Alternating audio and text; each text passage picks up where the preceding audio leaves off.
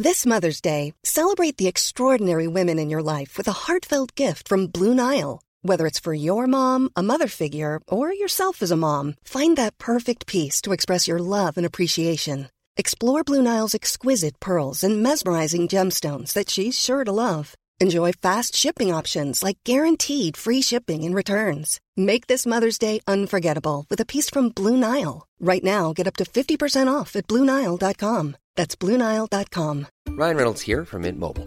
With the price of just about everything going up during inflation, we thought we'd bring our prices down. So to help us, we brought in a reverse auctioneer, which is apparently a thing. Mint Mobile unlimited premium wireless. Ready to get 30, 30, bit to get 30, bit to get 20, 20, 20, bit to get 20, 20, bit to get 15, 15, 15, 15 just 15 bucks a month. So, Give it a try at mintmobile.com slash switch. $45 upfront for three months plus taxes and fees. Promo for new customers for limited time. Unlimited more than 40 gigabytes per month. Slows. Full terms at mintmobile.com.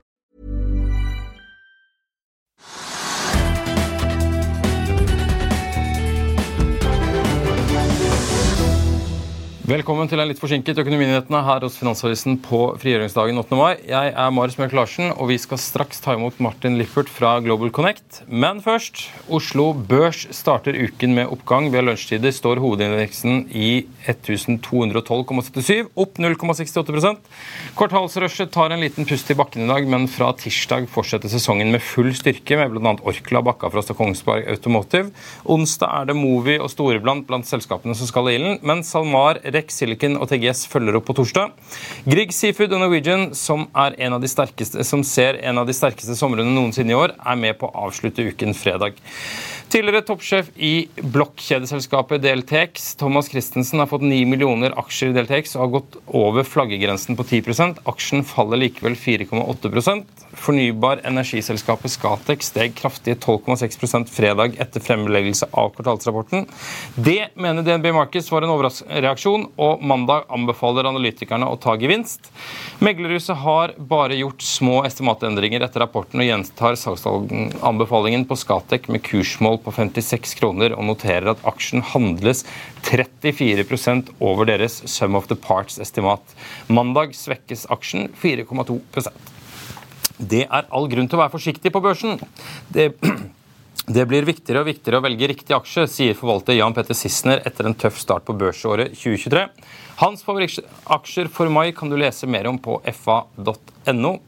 Så vi er straks tilbake med dagens gjest rett etter dette.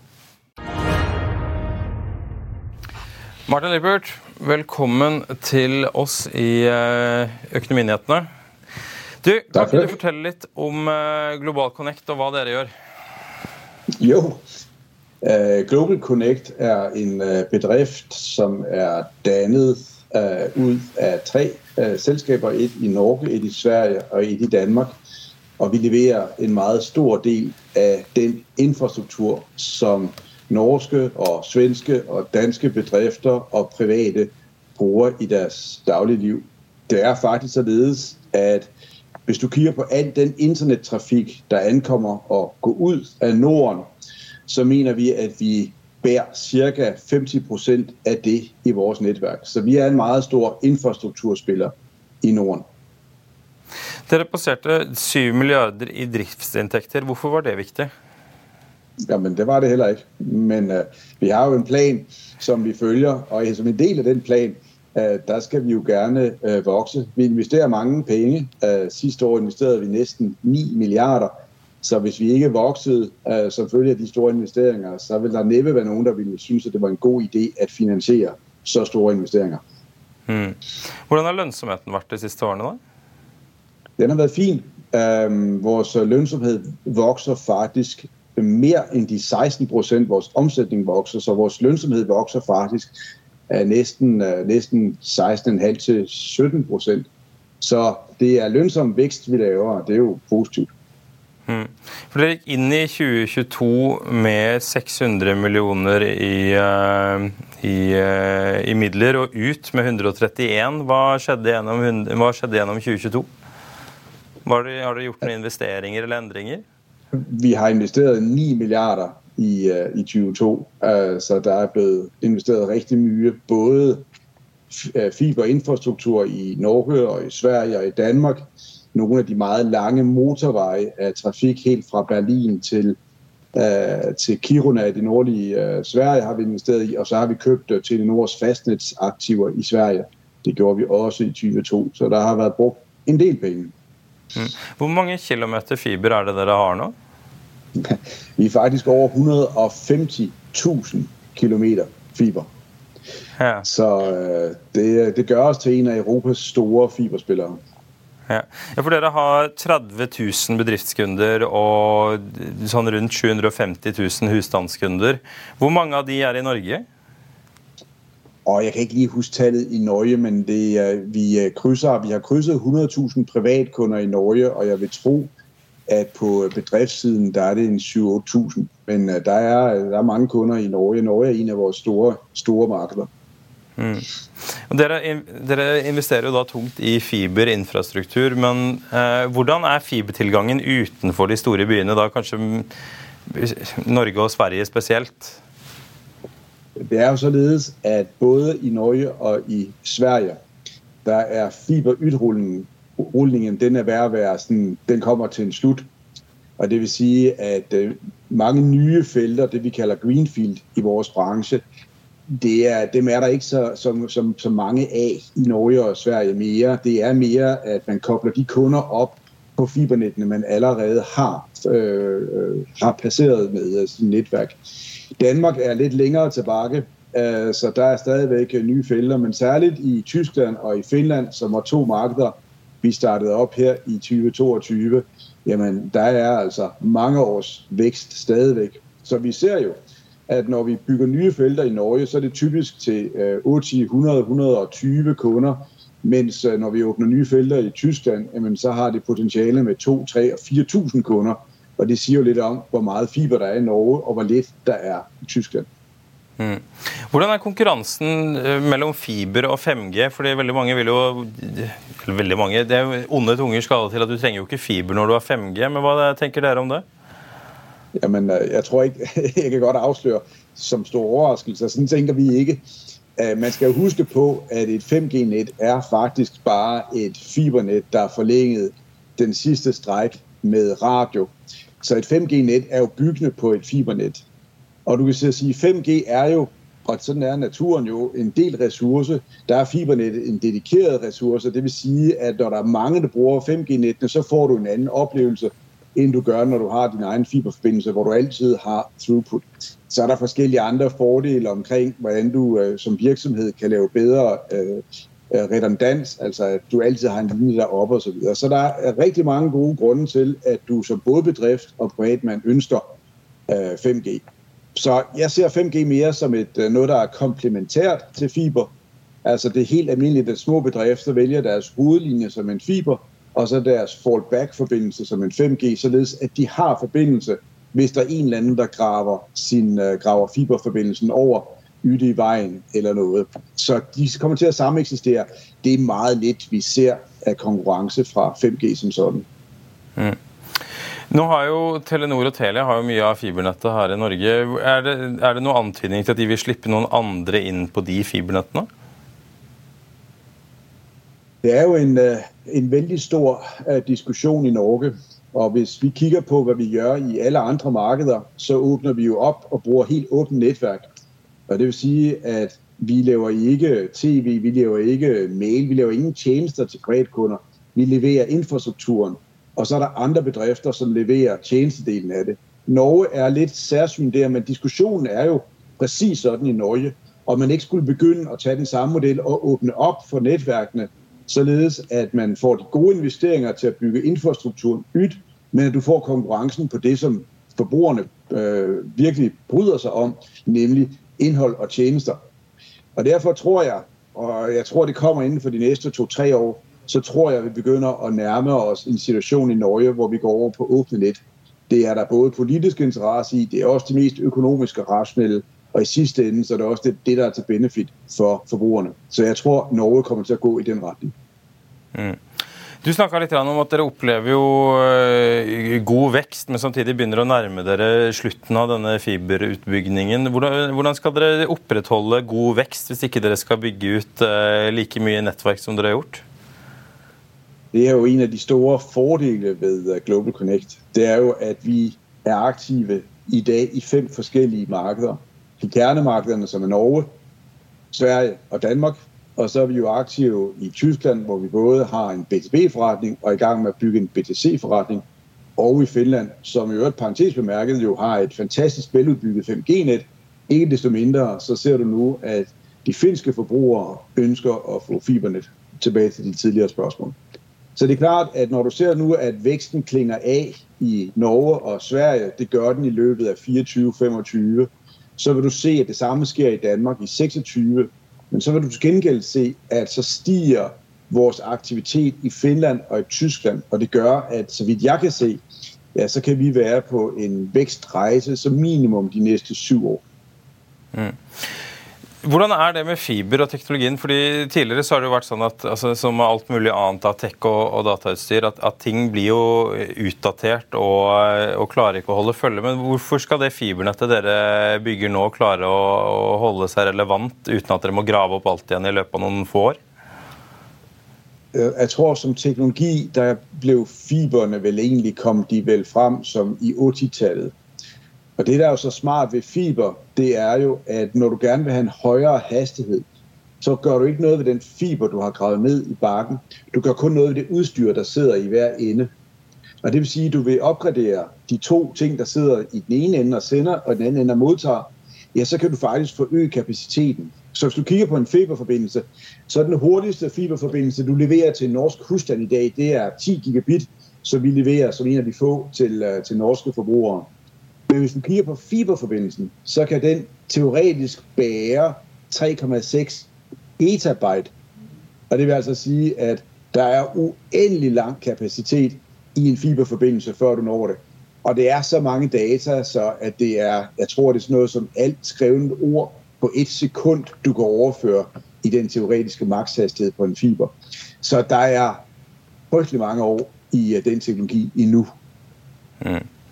Du, Vi må snakke litt eh, på slutten her om eierstrukturen. fordi Dere har jo eh, vært lenge vært eid av EQT, eh, og nå fikk dere inn en, en, en Mubadala Investment Group her i, i vinter. Er det, er det, oppkjøpet gått gjennom i alle instanser nå?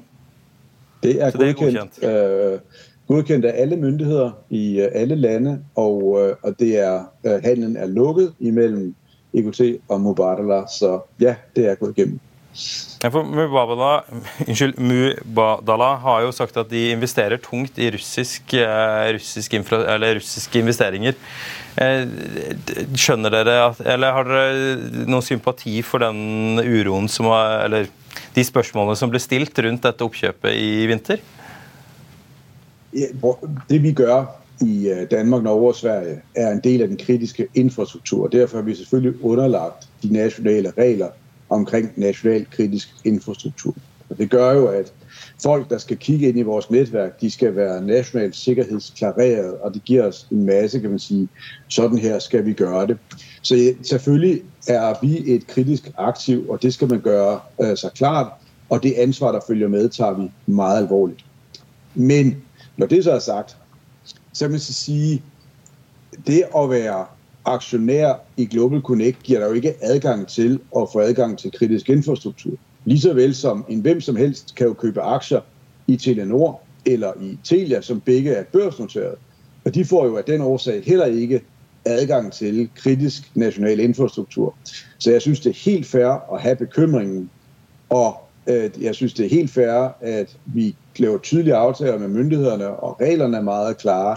Men jeg har nok lidt vanskelig ved at forstå, hvis det skulle være sådan, at man skal være børsnoteret for om at være handlet øh, og ejet delvist af udlændingen. Og husk jo på, altså IKT ejer jo stadigvæk 80% plus af Global Connect, så det er altså stadigvæk IKT, der er den alt overvejende ejer af Global Connect.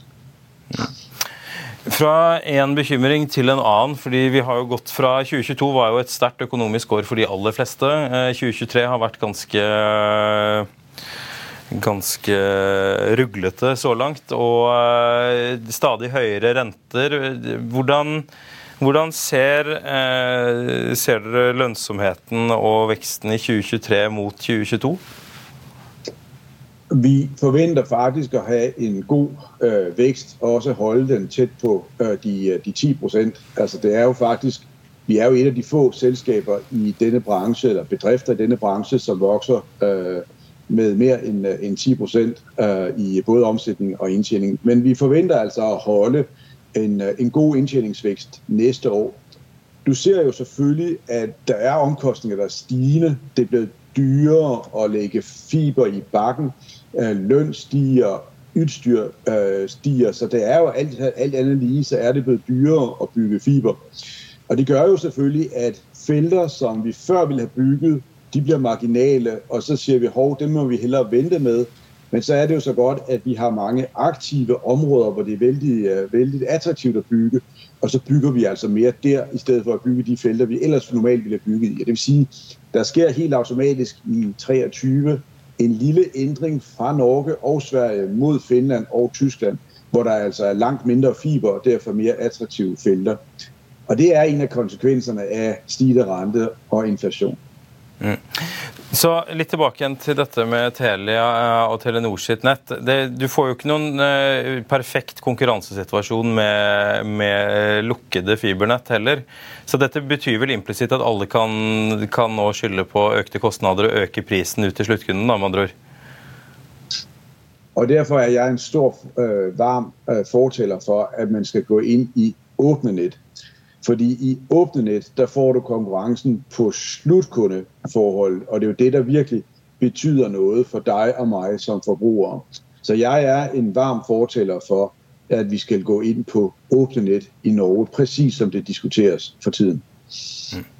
Martin Lippert, tusen takk for at du var med oss i Økonominyhetene. Vi er straks tilbake rett etter dette. As humans, we're naturally driven by the search for better. But when it comes to hiring, the best way to search for a candidate isn't to search at all. Don't search, match with Indeed. When I was looking to hire someone, it was so slow and overwhelming. I wish I had used Indeed. If you need to hire, you need Indeed. Indeed is your matching and hiring platform with over 350 million global monthly visitors, according to Indeed data, and a matching engine that helps you find quality candidates fast. Ditch the busy work. Use Indeed for scheduling, screening, and messaging so you can connect with candidates faster. And Indeed doesn't just help you hire faster. 93% of employers agree Indeed delivers the highest quality matches compared to other job sites, according to a recent Indeed survey. And listeners of this show will get a $75 sponsored job credit to get your jobs more visibility at Indeed.com slash podcast. That's Indeed.com slash podcast. Terms and conditions apply. I'll see you in court. Vi sier det ofte litt på spøk, men for deg som driver business, er det aldri moro å innse at du ikke har laget en 100 gyldig kontrakt. Du bør ikke risikere hele firmaet ditt fordi du synes dette med kontrakter er litt stress. En avtale er ikke en avtale.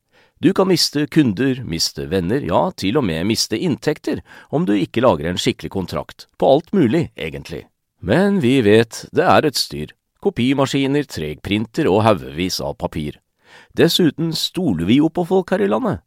Det er ofte litt kleint å skulle be om en signatur for alt mulig, ja, for mye av styret handler også om jakten på underskriften. Det finnes en enkel måte å løse dette på, Dukkobit, en trygg, effektiv og get this, gratis måte å sikre seg en god natts søvn pluss en juridisk bindende avtale. Dukkobit-appen har de strengeste sikkerhetskrav i bunn, samt en EU-godkjent og sertifisert teknologi. Framover vil det bli behagelig å spørre du, skal vi skrive under på det, eller? Kom i gang på dukkobit.no.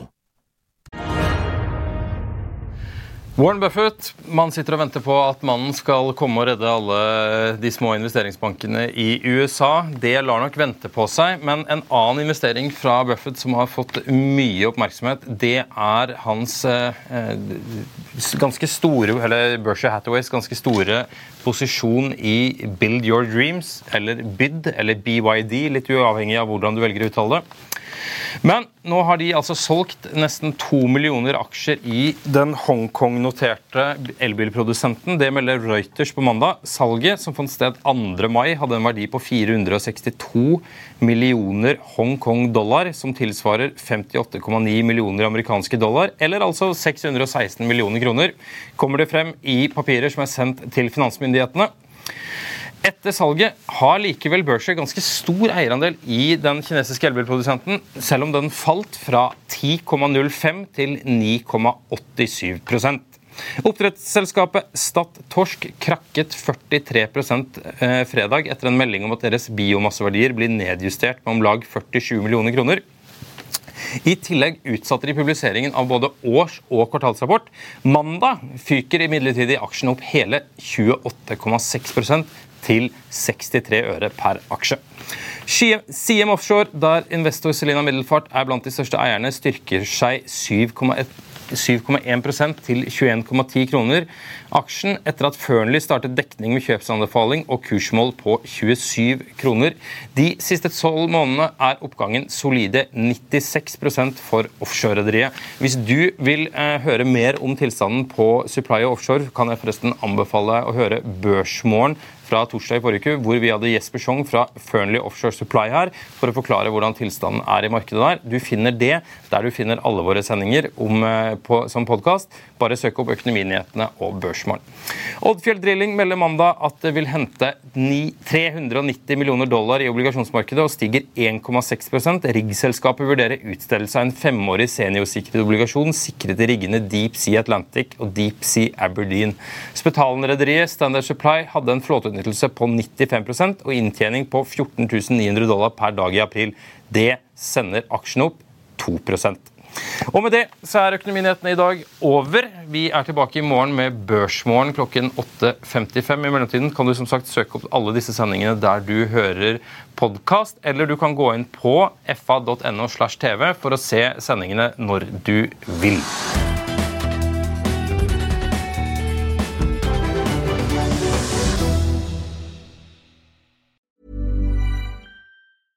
Hey, it's Paige DeSorbo from Giggly Squad. High quality fashion without the price tag. Say hello to Quince. I'm snagging high-end essentials like cozy cashmere sweaters, sleek leather jackets, fine jewelry, and so much more. With Quince being 50 to 80% less than similar brands. And they partner with factories that prioritize safe, ethical, and responsible manufacturing. I love that. Luxury quality within reach. Go to quince.com slash style to get free shipping and 365 day returns on your next order. Quince.com slash style. Økonominyhetene er en podkast fra Finansavisen. Programledere er Marius Lorentzen, Stein Ove Haugen og Benedikte Storm Bamvik. Produsenter er Lars Brenden Skram og Bashar Johar. Og ansvarlig redaktør er Trygve Hegnar.